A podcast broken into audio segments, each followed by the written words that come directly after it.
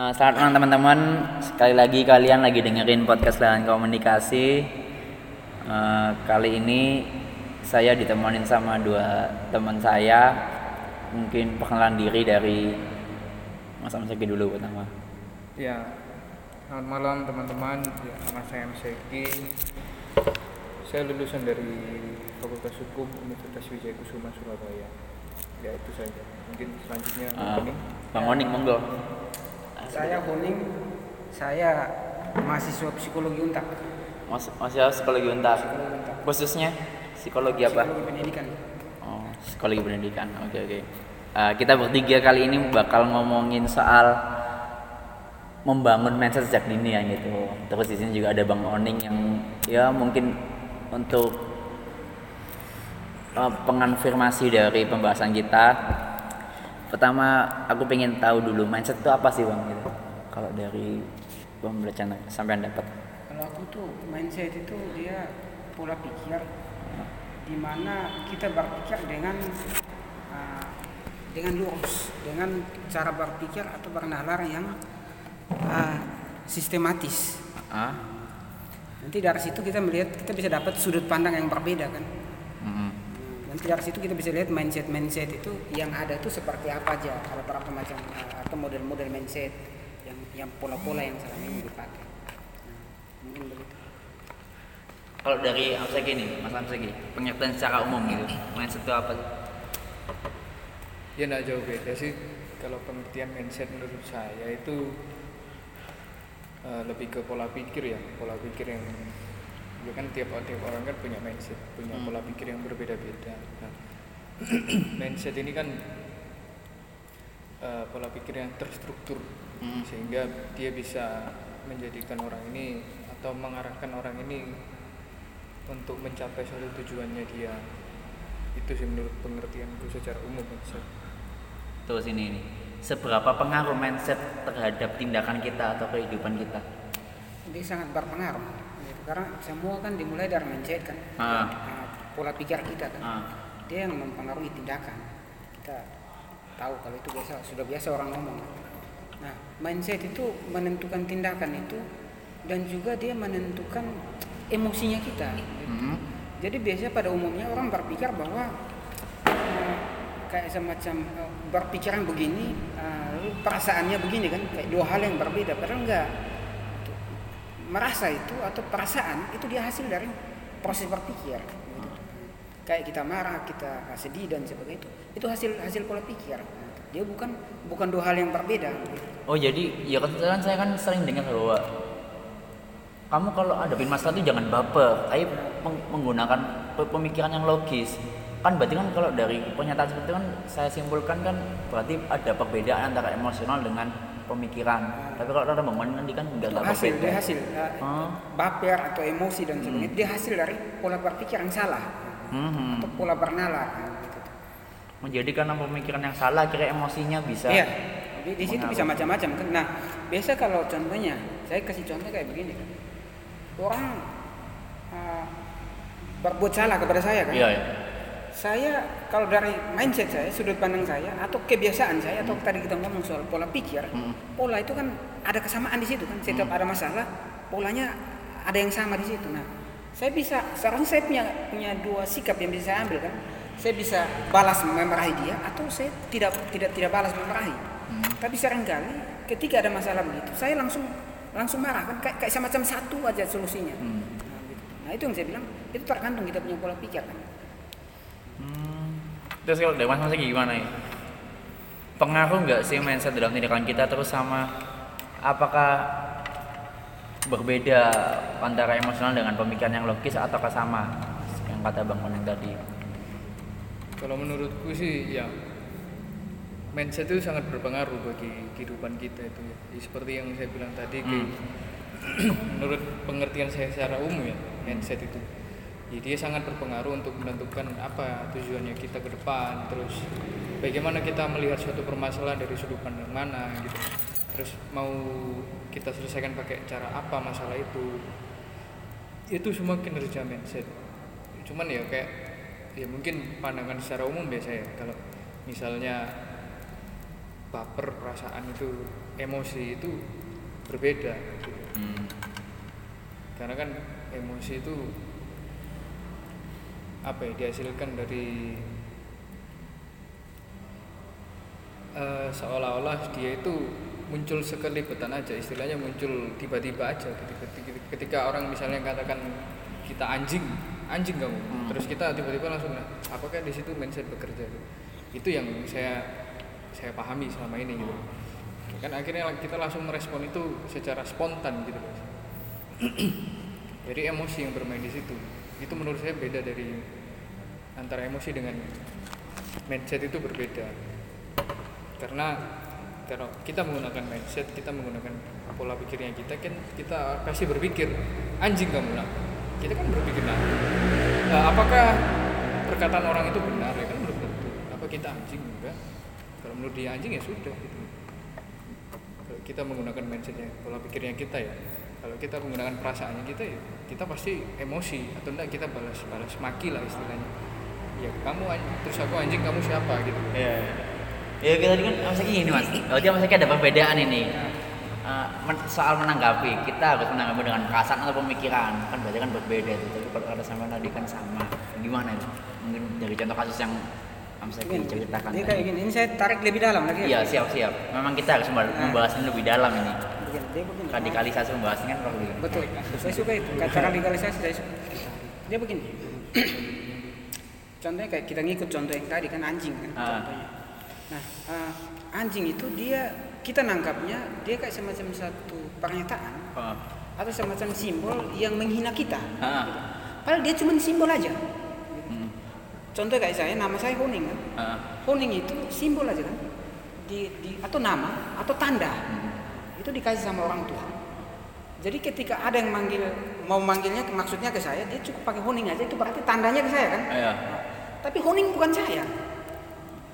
Walaupun nama saya Honing, itu dua hal yang berbeda. Ini simbol akan saya, tapi bukan saya. Masuk ke pembahasan homo simbolik itu kan sih. Ya masuk ke situ juga. Oh. Jadi kayak kita ngomong soal soal soal soal soal Gelas. aqua contohnya. Oh, aqua. Nah, kita kasih tanda bahwa oh, botol yang kayak begini namanya aqua kan. Ah. Tapi di simbolnya atau tandanya aqua, tapi dia bukan dia botol itu bukan aqua kan. Dia dia kita sebutnya botol, benda kayak begini kan. Hmm. Kita, sebetulnya kita sebutnya sebutnya botol contohnya. Tapi karena sudah terbiasa orang bermain dengan simbol itu, akhirnya ngomong aku identiknya sama ini kan. Iya, iya. Padahal bukan. Nah ini saya bilang dua hal yang berbeda. Ah. Untuk menjaga supaya jangan emosi, kita nyambung di situ kan. Iya. Berarti kita kita mesti pahami dua hal ini bahwa ini ini ada yang berbeda di sini. Kita sering kali terjebak karena kita menganggap ini satu kesatuan. Ah. Bisa tangkap kan? Bisa bisa bisa. Ya contohnya begini. Kita di Indonesia ini sering kali bermasalah soal agama kan. Ya. Orang Saling hina antar agama. Padahal sebetulnya kita kita bisa punya pilihan untuk nggak marah. Gitu. Ah. Ini, karena ini simbol aja. Hmm. Dia hanya, hanya simbol akan kita, akan sekelompok orang yang memiliki keyakinan tertentu. Ah. Itu kita sebut agama A, agama B, agama Ah. C kan gitu. Tapi ketika orang sindir agama ini, sebetulnya bukan sindir kita sebetulnya. Kita masih punya pilihan untuk itu. Tapi dia menyindir agamanya bukan menyindir Ah. kitanya gitu. Itu yang saya bilang, kita mesti jaga jarak antara kita sama simbol. Oh iya. iya. Di situ kita kita bisa uh, ngomong soal mindset tadi. Oh berarti kalau misalnya tadi Amseki memberikan contoh kalau misalnya dikatakan anjing, kita juga harus mikir loh, anjing itu kan belum kita tergantung kitanya kita bisa menerima atau Ah, tidak. betul. Menerima simbol panggilan itu. Betul. Kita punya kita punya pilihan di situ kan. Hmm. Hanya karena tadi saya ngomong soal pola itu, pola kita sebutnya contohnya pola emosi kan. Setiap kali orang ngomong kayak gitu kita emosi kan otomatis. Iya. Jadi dia jadi pola kan, Ah. terbiasa gitu. Ada ngomong itu kita langsung gitu. Padahal sebetulnya enggak. Gitu. Kita kita bisa latih itu sebetulnya. Cara untuk untuk melakukan itu untuk bisa latih ya, ya kita biasakan itu. Samanya dengan misalnya bahasa Surabaya jancuk. Ah kayak begitu. Gitu. Maknanya kan ke mana-mana kan. Nah, nggak ada makna pasti Enggak, jancuk. enggak ada pasti. Nah, tuh. Hanya kalau dalam kebiasaan kita kayak orang sebut anjing kita langsung nangkapnya ah, ini atau nginep ah, padahal enggak juga.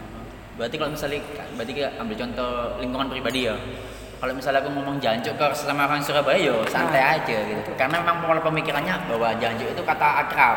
Betul. Tapi kalau kita ngomong jancuk ke misalnya orang NTT, ya bakal pukulin lah gitu. Contoh lain, contoh lain. Tadi kita ngomong soal contohnya. Iya boleh boleh. Contohnya makna radikal itu. Ah, ah, Kalau ngomong soal radikal, saya radikal. ah. Kita semua mungkin radikal, ya Ah. kan? dalam hal tertentu kita radikal. Itu kan positif kan, baik itu kan. Ah. Tapi dengan berjalannya waktu, hari ini kalau orang ngomong soal radikal itu langsung langsung kayak maknanya negatif kan. Oh, Nah, gini, berarti gini ya, sebelum kita ngomong radikal itu positif atau negatif yo, kita kasih definisi pasti menurut masing-masing dulu deh. Nah, gitu itu. Kalau aku radikal itu bisa dipisahkan antara pemikiran dan tindakan. Kalau pemikiran kita, misalnya kita anggap definisi radikal itu keras, ya nggak apa-apa kalau kita berpikir keras, kan gitu toh. Kan itu berarti kita memahami konteks permasalahan secara mendalam. Tapi kalau secara tindakan, kalau kita keras, kita juga ada salahnya gitu. dia begini. Jadi ada negatif. Kalau misalnya dari Bang Oning gimana kan soal radikal itu definisi pastinya apa gitu? radikal itu kan cara berpikir yang mendalam kan. Ah, ah. Kita kita berpikir sampai mendalam, Ah, sampai ah. akarnya kan di situ, Ah. radiksnya di situ. Ah. Nah, itu nggak salah. Itu, Ah. itu nggak salah. Dia dia masuk ke wilayah tindakan. Hmm. Itu faktornya bukan soal pemikiran saja, itu banyak hal. Oh, Kayak kita ngomong soal radikalisme, itu bukan soal pemikiran saja. Ah. Itu bisa masalah sosial, Mm-mm. bisa masalah uh, dan masalah kemiskinan dan masalah-masalahnya Ah. yang yang menyatu. Akhirnya dia sampai pecah dalam bentuk tindakan yang negatif. ah. berarti pengalaman juga pengaruh kan? Mengikuti di situ kan. Kalau Amsaki gimana Amsaki? Kalau radikal sih ya pada umumnya pengertian secara umum ya. Iya. Ya, bu- ya itu pola pikir mendasar itu yang mendalam itu ya. Mendalam. kita ketika apa ya kita dikatakan contoh nih kalau kita tidak belajar secara mendalam berarti ya apa yang kita pelajari itu kan tidak tersampaikan dengan baik gitu loh Ah. kita tidak bisa memaknai apa yang kita pelajari gitu loh jadi kita harus belajar secara radikal gitu loh secara mendalam gitu loh supaya kita tahu apa intinya dari apa ini inti yang dari kita pelajari gitu loh supaya jangan sampai salah arti salah salah definisi salah memahami begitu supaya tidak sampai apa ya orang itu bisa menyesatkan orang lain karena kan dia tidak bisa dia tidak mendalami itu secara atau tidak radikal dalam dalam mereka belajar sesuatu itu sih menurut Kalau positif aku. negatifnya positif negatifnya atau positif aja atau ada ya itu negatif sih, juga? sampai seperti yang Yosep sama Bang Honing katakan tadi yaitu berakhir pada suatu tindakan gitu loh Hmm. kalau kita mempelajari sesuatu kita mendalami secara radikal terus apa kita menerapkannya itu bisa positif bisa negatif kalau yang kita dalami itu negatif ya yang keluarnya pasti negatif kalau yang kita dalami itu positif ya itu keluarnya pasti positif tindakannya itu sih menurut saya Gimana gimana? Saya sambil lagi. Hmm, boleh boleh. Hanya dia begini, banyak orang radikal kan, Iya. kita kita tahu itu. Tapi dia nggak nggak masuk sampai berujung kepada tindakan yang negatif. Kenapa? Itu yang saya bilang. Orang bisa masuk ke wilayah tindakan sampai berbuat sesuatu yang negatif. Itu banyak faktor, bukan soal pemikiran saja. ya. Itu faktor bisa faktor sosial, masalah kemiskinan, bisa faktor dunia internasional, bisa bisa faktor-faktor lain. Ekonomi. Nah, ekonomi juga. Itu itu itu yang menyatu. Kalau agama masuk nggak bang? Bisa. Masuk juga. Agama bisa masuk. Bisa masuk juga. Itu jadi dia bukan hanya masalah radikal saja bukan. Itu banyak faktor sampai kita muncul dalam tindakan. Kalau kalau hanya radikal saja lalu masuk ke tindakan belum tentu. Lah ini bang, kan gini kan, maksudnya Indonesia kan, eh iya belakangan ini ya, tahun-tahun kemarin kan ada pemisahan antara golongan radikal dengan golongan apa namanya itu yang tidak radikal lah gitu. Lah itu apakah radik akhirnya kan di karena isu-isu seperti itu akhirnya radikal dikonotasikan istilahnya sebagai moderat kan ya ya dikonotasikan sebagai pemahaman yang negatif. Mungkin dari agama tertentu yang membuat kericuan lalu dikatakan wah ini agama yang radikal ya itu gimana tuh menurut sampean Makanya bahasa menurut saya bahasa yang tepat itu bukan radikal. apa itu Karena itu dia pasti di, kita bisa sebutnya ekstremis. wah ekstremis. Nah, bukan radikal karena apa salahnya orang radikal? Ya sepakat sepakat harus itu mas Ekstremis itu dia masuk dalam wilayah tindakan kan. Nah, kalau pikiran enggak, itu Oh. nggak bisa gitu. gitu ya kalau tindakan itu berarti sudah bukan wilayah radikal tapi wilayah ekstremis Iya, dia, dia, dia sudah masuk ke situ kan. Untuk maksudnya ekstremis dalam tanda kutip dia bikin sesuatu yang yang yang menghancurkan dan sebagainya. kalau misalnya gimana tanggapannya soal isu-isu radikalisme kemarin-kemarin ini Ya, yang justru saya, membawa agama saya tertentu ya dari penjelasan Bang Uning tadi justru saya bertanya-tanya gitu loh nah kenapa sih orang-orang yang negatif ini dikatakan radikal gitu loh Nah, apakah apa ya kita mempelajari sesuatu ya kayak yang saya katakan tadi kita mempelajari sesuatu itu itu harus sampai mendalam gitu loh supaya kita tahu makna dan intinya dan kita bisa menerapkannya dalam kehidupan kita sehari-hari gitu loh. Nah, apa salahnya kita belajar agama secara radikal gitu loh? Ya. Kan ya itu kan hubungan antara kita dengan Tuhan hubungan vertikal toh. Hmm. Kalau itu kita tidak radikal ya lalu apa intinya kita beragama gitu loh. Lalu Berarti memang agama itu harus- memang harus kita radikal.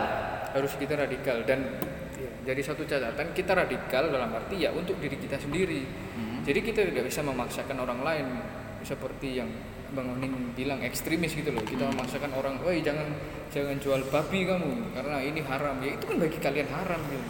Bagi kita yang masyarakat masyarakat luar pulau yang terutama masyarakat Batak masyarakat Hmm. NTT itu bagi kami suatu makanan sehari-hari atau bisa jadi itu bagi kami itu ladang ekonomi karena kita bisa jual di situ gitu loh. Atau enggak itu sebagai kebutuhan adat seperti itu Ya, oke, aku masuk ke Mas Enti gini bang. Aku pernah lihat video YouTube ini bang, sampai kantor pakai gereng kan. Ya, itu kalau nggak salah aku pernah lihat kuliah umumnya itu membahas soal agama di mata ilmuwan. Lah begitu, waktu dia kalau nggak salah di UGM masih ya kuliah umum. Dia itu membahas begini, bukan agama yang ganjil, tapi orang beragama yang ganjil. Soalnya apa? Dia menjadi warga negara tapi sekaligus menjadi warga komunitasnya saya agak sepakatnya di situ begini. Contoh kayak misalnya soal babi tadi. Kalau kita beragama secara radikal ya agama tentu yang menganggap babi itu haram kan gitu. Memang kalau memang dia secara radikal beragama memang babi haram dan harus dilarang. Tapi secara negara kan babi sah-sah bukan saja. sah-sah saja kan. Nah, itu bagaimana tanggapannya itu?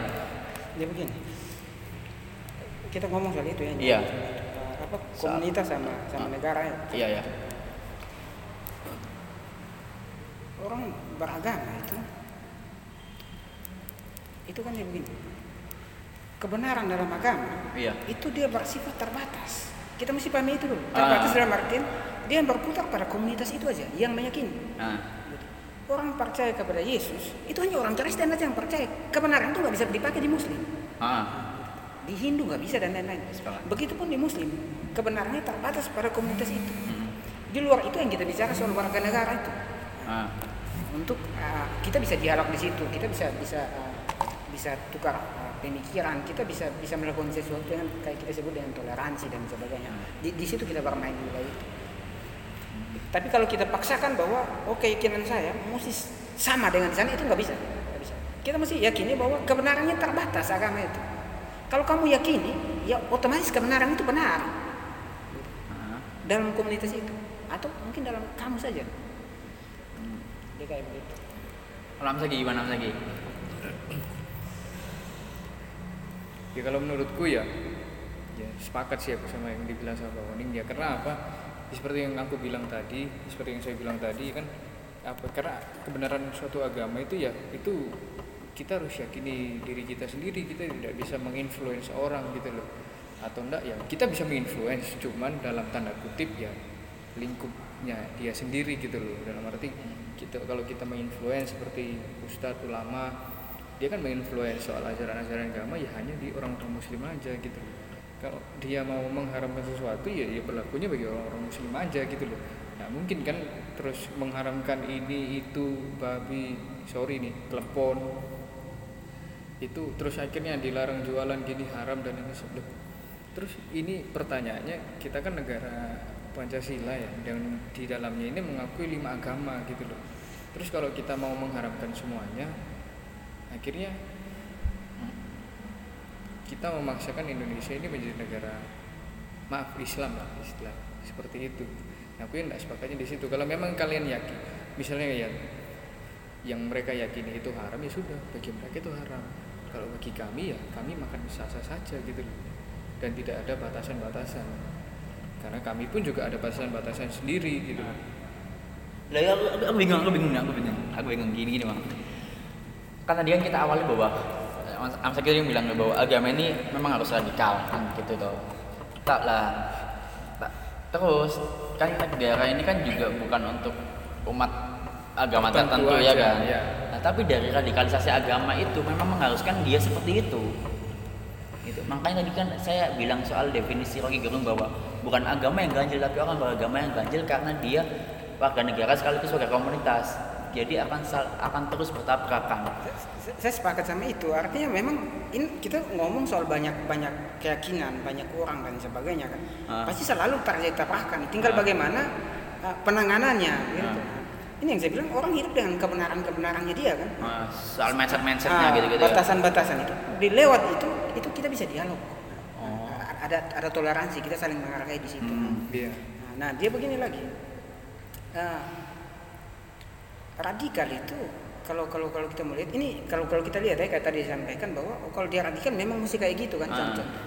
Ah, Di, di- ini yang kita bilang bahwa mungkin apa bahasanya ini nyambung ke mindset gitu, Iya. bahwa contoh kita con- contohkan kayak kayak ah, kayak di teman-teman ah, apa ah, teman-teman ah, NU itu Ah. saya pikir it- itu tepat gitu. Ah. langkah yang tepat Ah, ah, mengikuti ah, mengikuti ah, perkembangan zaman Perkembangan. tapi tidak meninggalkan ajaran gitu tuh. itu yang pas contoh ke- ah, zaman dulu contohnya di, di di Arab atau di Timur Tengah itu kebanyakan kalau anjing menjilat piring itu kita mesti mencuci pakai apa Ah, apa tanah liat atau abu lah gitu kan tujuh kali kan kalau di zaman sekarang kita nggak bisa pakai abu lagi pakai sabun aja Pakai sabun cuci. tapi inti dari dua itu kita bisa tangkap bahwa intinya kebersihan sih itu kan Ah. Nah, gitu. Nah, ini yang kita maksud bahwa dia memang zamannya berbeda Ah. tapi ya, inti daripada ajaran itu tetap sama nah itu yang saya lihat uh, di Muhammadiyah ada juga begitu tapi uh, lebih kental di NU dia uh, enak begitu dia mengikuti toleransi toleransi gitu Tole- uh, bukan saja toleransi tapi dalam hal pemikiran dia bisa bisa connect bisa bisa connect gimana gimana ada tanggapan lain nggak dari Mas Zaki Nggak ada sih. Ya Nggak aku ada. sepakat sih. terus kita bahas soal ini toleransi bang gitu ya. ya mungkin ini ini nyambung ke mindset ya mindset, nah, bisa- mindset, mindset toleransi bahwa kan mindset kita ini bahwa kita harus toleransi berag- antar agama kan gitu kan kita di Indonesia kan begitu nah terus lagi-lagi ya lagi-lagi saya saya pakai Roy Gerung gini kan. Bu ya karena saya kan juga memikirkan mungkin karena saya belum menemukan jawaban atas itu makanya saya coba diskusikan sama teman-teman kan gitu kan. Roy pada saat diskusi yang sama juga dia bilang begini toleransi antar agama itu omong kosong. Dalam negara yang ada cuma toleransi atas atas etnis. Soalnya iman itu sudah final apa yang perlu ditoleransikan begitu lah tanggapan soal itu gimana? Saya kan saya, saya juga ada kebingungan nih di situ. Apakah benar memang kita antar agama nggak usah toleransi? Soalnya iman itu sudah final. Apa yang perlu ditoleransikan? Tapi kita cuma perlu toleransi antar etnis saja. Karena begini itu kan dia masuk di ranah pribadi kan? Ah hanya kita di Indonesia bermasalah hari ini karena ah, kita belum punya batasan yang jelas ah, ah. antara mana ranah pribadi dan mana ranah publik. Karena apa? Publik. Publik. Nah, Oh, publik. contoh Ah. contohnya Ah. kayak begini. Hari ini contohnya tokoh agama ya kan dia bisa ngomong di dalam gereja atau di dalam masjid Ah. contohnya. Ah, mengikuti ah, keyakinan dan itu tidak salah kepercayaan dia ngomong. Tapi direkam di YouTube. Ketika di, di- disampaikan ke dimunculkan di YouTube semua orang kan bisa lihat kan Ah. ini ranah publik atau ranah privat ah, di Ah. situ Nah, di, di situ yang lagi rame kita Indonesia ini. Ah. nah ini ini mesti di, di- diatur. Nah, ini ini mesti ah, polanya bagaimana untuk untuk lebih enaknya begitu pola pemikirannya begitu gitu ya cara untuk ya, penanganan ini bagaimana. Karena ini juga keyakinan orang Ah. gitu. tapi pada saat yang ter- uh, pada saat tertentu dia masuk ke ranah publik Ah. uh, begitu tuh Ah. nah, nah ini yang yang Oh berarti dari mindset kita kita juga harus menanamkan bahwa kita harus membedakan mana sih karena privasi sama Iya, mana, gitu. mana sih karena publik Betul. gitu ya. makanya kayak kayak kita ngomong duduk sama kawan-kawan Iya. saya saya nggak nggak nggak begitu kan oh saya Kristen enggak itu mungkin nyaman kayak tadi kamu bilang kita ngomong kita setara warga negara kan Ah. sesama manusia kan simbol-simbol itu pribadi aja kan Iya. cukup di kita aja gitu tuh. Nah kita nih sering kali terjebak di ranah simbol itu. Simbol. Dia karena simbolikum Simbol- itu. Ah, bagaimana kita contohkan? Contohnya kayak begini. Kayak kita di lalu orang datang hancurkan salib contohnya. Ah, Sebetulnya biasa aja kan. ah, Hanya dia rusaknya karena kita merasa menyesal karena ah, salib itu kita beli semen untuk kita bikin pakai uang kan. Nah, di situ aja kan. Tapi menghancurkan salib lalu saya rasa bahwa Tuhan terganggu enggak kan itu simbol aja kan. sepakat, sepakat, sepakat. sebetulnya kita pak se- sementara Indonesia ini bermain di ranah simbol kan hari ini contohnya di mayoritas muslim dia lihat gereja terganggu itu simbol sebetulnya ya kan? Iya, iya. di yang Kristen mayoritas Kristen dia lihat masjid terganggu nah ini, ini yang, kita- yang yang tadi kita ngomong ini simbol-simbol ini yang mesti kita pahami kan? Kalau enggak bahaya kita nih Pertanyaannya apakah pemahaman itu masuk ke ranah toleransi atau memahami itu. Akan ya oke kita Kristen terus ada masjid di situ. Nah akhirnya kita terganggu. Ya sudah kita biar apa? Ya sudah seperti yang Abi bilang tadi ya sudah lah biarlah itu hanya simbol aja. Nah itu apakah termasuk dalam suatu toleransi? Bisa begitu begitu.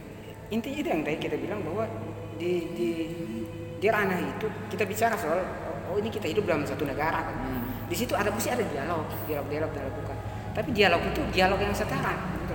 bukan dialog yang yang memaksakan Oh ya. Nah, mak- maksud saya di situ gitu. Nah, supaya jangan memaksakan, ini proses bernalar mesti paham dulu. Iya. ya kan? Benar lagi tadi. Nah, ini, ini mindsetnya mesti mesti jelas dulu. Kalau enggak sama macam orang ke mana-mana tuh dia bertemu sama neraka di mana-mana. Lihat masjid neraka, lihat gereja neraka, kayak begitu tuh. Kalau aku soal debat agama ya aku aku ada nggak sepakat ya. Soalnya begini. Mau debat agama segimanapun secapek-capekmu pun ngapain nggak bakal ada kesimpulan soalnya di dokumennya ya sudah begitu dokumennya Iya. kan kita bisa bilang bahwa agama itu nggak datang dengan argumen tapi datang dengan dokumen kan gitu walaupun argumenmu sepintar apa pun kalau dokumennya sudah begini ya mau apa kan gitu. Ditambah- mau dibantah pun juga dosa. Kalau menurutku Kan ya gitu. ditambah lagi itu kan kembali lagi kepada keyakinan apa yang kita percaya. Nah, walaupun itu datang bukan ya seperti yang katamu tadi kan datang bukan dari argumen tapi dari dokumen. Nah. tapi kalau kita percaya bahwa ini benar ya sudah gitu loh. Isu nggak usah lah kita memaksakan Perdebatan. apa yang kita benari itu apa yang kita benari itu kita paksain ke orang lain ya. Belum tentu yang apa orang lain anggap itu belum tentu benar gitu. Loh karena menurut karena tolak ukur kebenaran menurut tiap-tiap orang itu sangat berbeda gitu loh kembali lagi ya menanggapi soal toleransi tadi toleransi yang tadi ya toleransi akhirnya eh, masuk ke ranah privat atau publik. Ah. Apakah YouTube itu masuk ke ranah privat atau publik? Sebenarnya kalau dikatakan publik iya, privat juga iya, karena batasannya itu tidak jelas kan. Karena eh, tapi menurut saya gini, saya ngutip dari kata-katanya si Coki Pardede Hmm. di dalam kon- apa ini konten YouTube-nya ingin siaran itu. Nah dia kat- dia bilang "Eh, kalau kamu tidak suka lihat YouTube-nya kami, ya kamu tidak usah lihat YouTube-nya kami karena di YouTube itu ada algoritmanya tersendiri gitu loh. Kalau kamu cari Algoritma. algoritmanya tersendiri, Algo. algoritma ya, algoritma, sorry, algoritmanya tersendiri gitu loh. Kalau kamu cari apa ini tentang musiknya Dipa Barus, yang kamu yang kamu cari itu terus dan kamu tonton itu terus ya akhirnya kamu ketika kamu buka YouTube ya ya itu aja yang keluar gitu loh soal tentang Dipa Barus dan lain-lain. Kalau kamu carinya tentang konten agama ya ya pasti yang keluarnya itu itu juga gitu loh tidak jauh dari itu. Karena YouTube punya algoritmanya tersendiri yang kamu cari dangdut ya itu yang keluar dangdut semua isinya. Karena YouTube Google punya algoritmanya tersendiri gitu kalau misalnya dikatakan privat ya bisa privat karena apa YouTube punya algoritma algoritmanya tersendiri gitu loh kalau apa yang mau kita lihat ya sudah itu itu yang kita tonton dan ketika kita buka ya itu yang muncul gitu Nah itu nyambungin tadi itu memang berdasarkan keyakinan. Hmm. Artinya eh, kalau kita yakin ya kebenarannya itu terkonfirmasi di situ di keyakinan itu. Nah, begitu. Dalam agama itu kan begitu. Orang orang lain bisa menganggap bahwa ah, itu sesat agama itu. Hmm. Tapi kalau dia meyakini itu, Ya dia punya ah, ya sudah begitu. Nah, gitu. Nah, itu kan kita Indonesia ini kan masalahnya bukan agama sih kan suku juga begitu kan Hmm. kepercayaan-kepercayaan lokal masih banyak gitu. iya iya iya Nah, dia itu- bilang sesat ya sudah kalau kamu ngomong sesat ya itu sesat bagimu kan bagi kami mungkin bagi orang lain itu menurut kita benar ya sudah gitu loh jangan paksakan haknya kita itu apa ya kayak akhirnya memaksakan apa yang menurutmu benar ya Nah, saya nyambung lagi. Nah, dia begini lagi. Nah, kenapa jadi masalah ya kita Indonesia ini kayak rumit sekali kan? Nah itu mesti kita lari kembali ke pendidikan. pendidikan oke oke pembentukan mindset Nah, gitu di lah situ. sekalian tanyain aku gimana sih ca- eh, cara atau metode yang efektif kita nggak bisa bilang benar ya soalnya kan benar itu juga relatif atau benar juga menurut orang-orang yang efektif aja eh, pembentukan mindset yang efektif eh, mungkin dari usia-usia dini untuk menjaga kewarasan tindakan atau pemikiran itu bagaimana Bang, menurut psikologi pendidikan itu? mulai dari pola asuh Apa? pola asuh Pola Bang? Eh, Kurang tahu. pola didik dalam dalam keluarga itu kan. Nah, kan kalau kita ngomong soal pendidikan kan kita ngomong soal keluarga, kita Ah. ngomong soal sekolah, institusi, kita ngomong soal masyarakat kan tiga Ah. ini kan. Nah, nah, itu kalau modern ini berarti ada pola asuh itu. Ah. Kita uh, mengasuh atau mendidik anak itu kita bilang jangan begini itu perlu di- dikasih jelaskan dikasih penjelasan Hmm. yang yang, ah, yang ya. masuk akal nggak nggak bisa kita bilang begini langsung pokoknya nggak boleh kayak gitu nah, itu nggak bisa Gitu. kita membiasakan anak yang akhirnya dia dia nggak pernah larang yang baik di situ Gitu. ini kita Indonesia kan sering kali begitu kamu jangan situ ada setan nah, kayak begitu tuh. Hmm. Itu, itu itu itu terbentuk itu Betul juga ada setan di situ. padahal nggak ada di situ nggak ada setan gitu. tapi menakut-nakuti kan Tapi Orang- kan Iya, tapi kan ya mau bagaimana kita mau menerapkan seperti itu ketika orang tua sudah bilang tidak boleh, jangan ke sana, tapi tidak disertai alasan. Akhirnya kan kita sebagai seorang anak kan pasti kan penasaran tuh kan. Hmm. Pasti akan mencoba ke sana gitu loh, karena tidak sesuai dengan alasan yang pasti dan tepat gitu loh.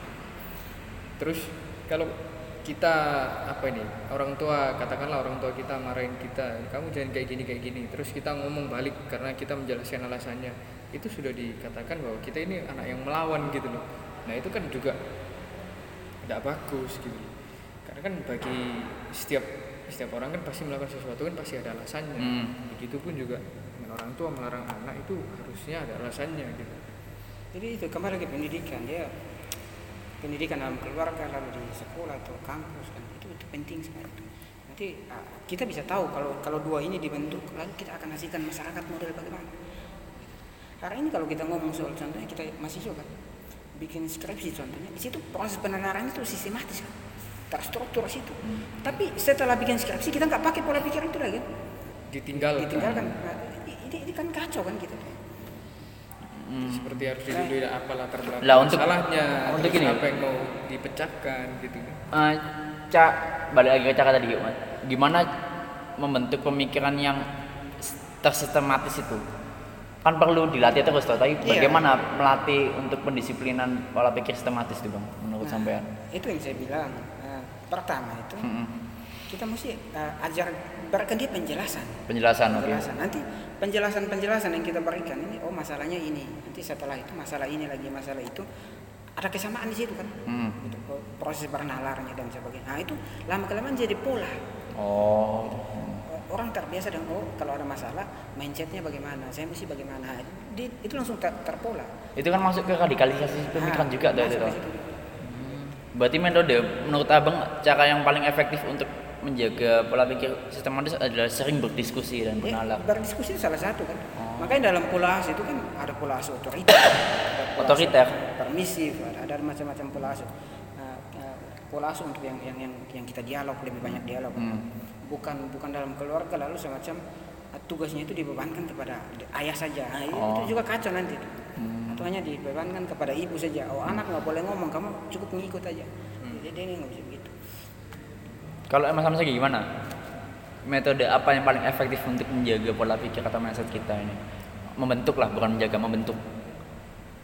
Waduh kalau itu ya saya kurang paham ya. Cuman ya menurut saya pribadi itu ya menjaga atau membentuk pola pikir itu ya dari kamu baca, belajar menulis, Membaca dan menulis itu. membaca dan menulis. Mhm. Karena kan ketika kita membaca kan kita kan pasti tahu tuh di dalam buku kan pasti ada pendahuluan, latar belakang itu kan pasti ada di situ diulas gitu loh. Apa sih yang menjadi latar belakang masalahnya atau yang menjadi alasan atau tujuan dibuatnya buku ini?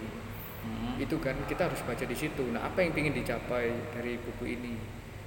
Pasti begitu. Begitupun juga ketika kita menulis. Nah, apa yang ingin kita tulis? Apa yang menjadi apa ini masalah gitu loh. Dalam kita menulis itu apa yang ingin kita capai? Apa yang ingin kita simpulkan? Baru setelah itu kita analisa, baru kita setelah itu ambil kesimpulan di situ. Kita apa ya kembangkan pola pikirnya kita kembangkan cara apa ya cara kita dalam memahami gitu loh memahami hal itu Hmm. Mungkin kita membaca atau menulis tapi kita tidak memahami konteks yang kita tulis atau yang kita baca gitu. Seperti itu. Apakah harus membaca dan menulis? Soalnya kan gini tuh yo aku nggak men, nggak mengeneralisasi mengeneralisasikan yo. Cuma kan milenial ini kan se- sekarang ini kan untuk membaca kan agak sedikit penurunan minat gitu kan. Apakah ada cara lain selain membaca? Gitu.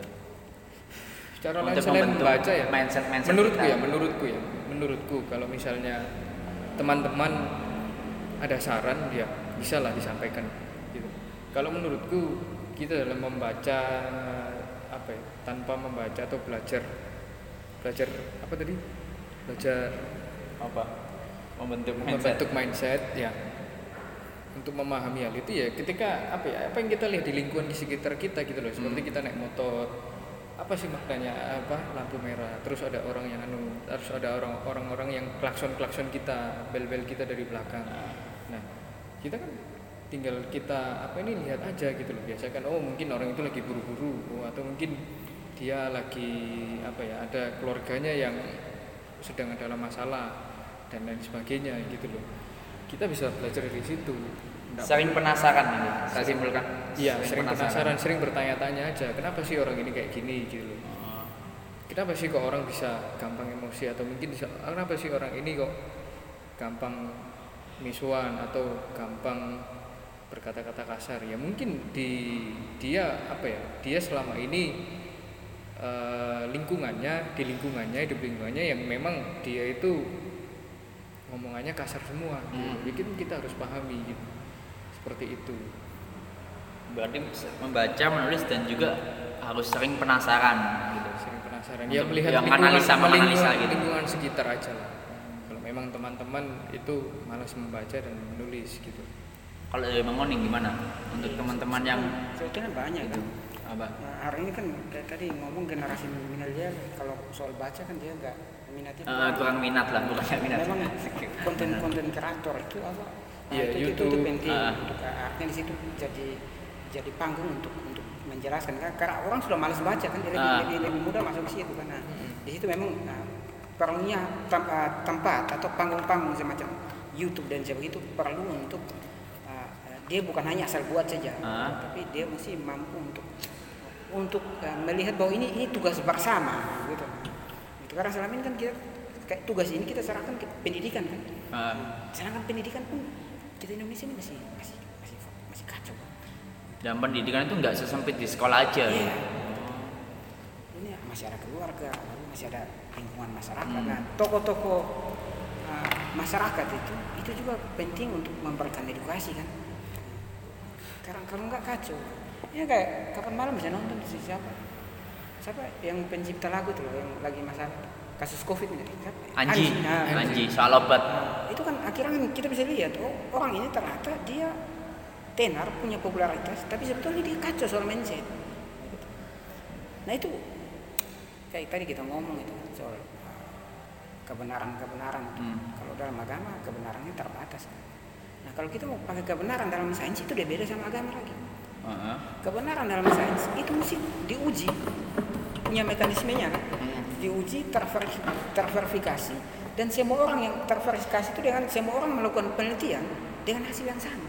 Hmm. itu diuji coba diuji coba sampai hasilnya sama betul betul nah kita sering kali masih bermain Indonesia kacau. Masih bermain di wilayah dugaan. Dia meyakini itu kebenaran. Lalu langsung disampaikan itu kacau. Kayak yang disampaikan eh, kasus itu itu kan disampaikan itu dokternya menyampaikan itu sebetulnya dugaan-dugaan. Dia belum masuk bahwa ini pasti obatnya ini nggak bisa. Hipotesis gitu, Ah, gitu maksudnya. itu hipotesis kalau kita dalam skripsi atau Nah, kayak begitu tuh. Dia hanya kita masih bermain di situ kita sudah menganggap bahwa oh, ini kesimpulannya ini atau kebenarannya nggak bisa. Dalam sains itu kebenaran itu dia mesti diuji kan? Diuji. Lewat komunitas-komunitas ilmuwan dan dan yang lain. Gitu. lah pengujiannya bagaimana bang? Misalnya kayak gini tuh, kayak tadi misal sampean bilang soal tokoh-tokoh dan akhirnya sampean mencontohkan Anji, kan itu ternyata kan menyesatkan tuh. Lah bagaimana sih kita menjaga pemikiran kita tuh agar tidak ikut tersesat? Ya, kita mesti tahu mekanisme ilmiah bagaimana Lah, iya, metode bagaimana ilmiah itu bagaimana dan sebagainya sebagainya Kalau metode ilmiah yang sampean tahu apa Nah, aja? Saya kasih contoh begini. Saya Ah. kasih, ini kalau kita ngomong kayak begini, kalau di kuliah ini butuh berapa semester? kan? Dia begini. Sederhananya begini kan? Sederhananya begini. Belajar bareng gitu. Sederhananya begini. Kayak kita sakit demam apa? Demam apa malaria ya. Hah? Contoh, kita kayak, kayak penyakit itu kan. Lalu kita belum tahu ini. Contohnya ini penyakit baru kan. Dan kita belum tahu ini uh, penyebabnya apa gitu. Nah, uh, dalam uh, ilmiah itu dalam dalam mekanisme ilmiah itu contohnya begini. Dia akan cari tahu itu siapa yang sakit, ya kan? Hmm. Siapa yang sakit. Lalu dia lihat uh, contohnya itu pola makan kamu bagaimana. Ah. Lalu tempat tinggal kamu bagaimana? Uh, kotor, banyak nyamuk atau bagaimana? Lalu beberapa hari terakhir atau beberapa minggu terakhir itu apa yang kamu lakukan? Jadi lihat pola-pola itu kan. Nanti setelah itu uh, dia sudah sudah lihat, dia temukan bahwa oh orang ini sakit, contohnya karena di lingkungannya kotor dan banyak nyamuk. Hmm. Nanti dia temukan lagi orang lain Unsur lain gitu. Nah, itu dia ada ada kesamaan bahwa lingkungannya kotor dan banyak nyamuk. Nah, di situ dia bisa lihat bahwa oh, ini ada gejala yang sama ini. Nah, begitu. Nah, nanti setelah itu dia cari contohnya pengobatannya dan sebagainya. Dia kasih itu bukan langsung kasih sembuh langsung selesai enggak. Ah. Dia akan uji coba itu banyak orang lagi. Ah. Melalui proses yang panjang itu sampai bertahun-tahun. Bahkan berpuluh-puluh tahun sampai dia temukan bahwa oh ini pasti penyakitnya ini saya kasih obat ini pasti sembuh. Hmm. Nah, begitu. Itu baru baru kita bisa bisa bisa meyakini bahwa oh ini kebenarannya pasti gitu. Oh. Sains itu kuatnya di situ kan. Dia berdiri di atas bukti gitu. Di atas data Iya, tadi. Data dan bukti itu kan. Tapi kan data kan juga eh, sering dipalsukan kan ya. Nah, Ya, nah kita sama-sama tahu lah kan gitu kan. Kenapa? Data kan juga sering Kenapa? dipalsukan. Kenapa? Karena begini. eh, Dalam dalam eh, ilmu pengetahuan untuk sains itu Iya. kebenarannya itu kan eh, kita nggak bisa maksud kita mesti jujur di situ kan. Makanya Ah. orang bilang kalau dalam ilmu pengetahuan atau dalam dunia akademisi dia boleh salah, tapi tidak boleh berbohong. Tidak bo- boleh salah tapi tidak boleh Iya. berbohong. Kita mesti jujur di situ kan. Hmm. Tapi kalau seumpama dia memalsukan itu tetap ketahuan, nggak bisa tidak. Nggak bisa tidak. Lambat atau cepat pasti ketahuan. Cara mengeceknya data itu benar atau enggak? Lah, orang uji semua kan, bukan satu Uji. orang yang uji kan dia uji. Ini semua uji kan. Kalau kamu ngomong kayak gini, orang akan mm, coba yang kamu sampaikan itu bagaimana, tahapannya bagaimana, Hmm. prosesnya bagaimana, hasilnya sama nggak? Di Tetap, melakukan pengujian, Iya, pengujian. pengujian pengujian itu tet- tetap dilakukan. Intinya kita harus tetap skeptis gitu ya. Ya, Selalu skeptis itu penting di situ. apa ya? Bertanya-tanya apakah ini benar, apakah ini salah gitu. Berarti soal menjaga kita tersesat dari tokoh itu skeptis sih tadi bisa jadi Skeptis. sering bertanya dan meragu-ragu. Perlu kita skeptis. Itu itu penting.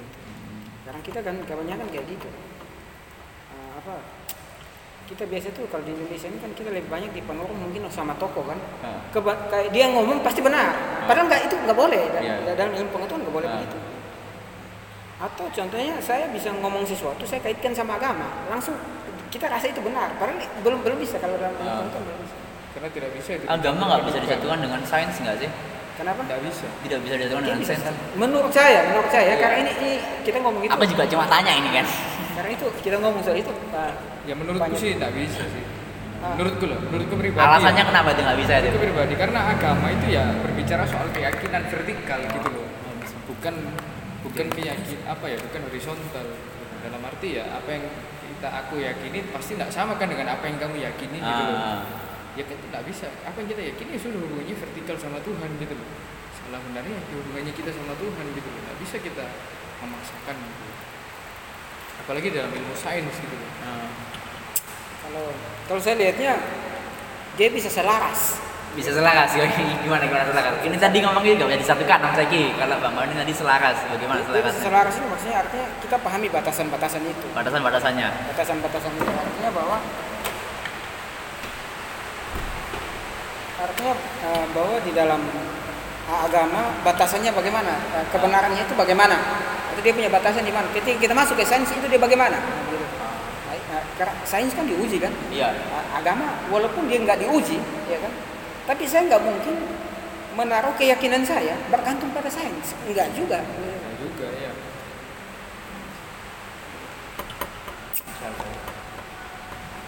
Ya, memang mungkin- banyak hal yang bertentangan kita akui ya mungkin ya saranku ya lebih baik tidak usah dicampur adukan agama antara agama dengan sains gitu. Bisa, apa yang menjadi kebenaran sains? Ya sudah itu sains.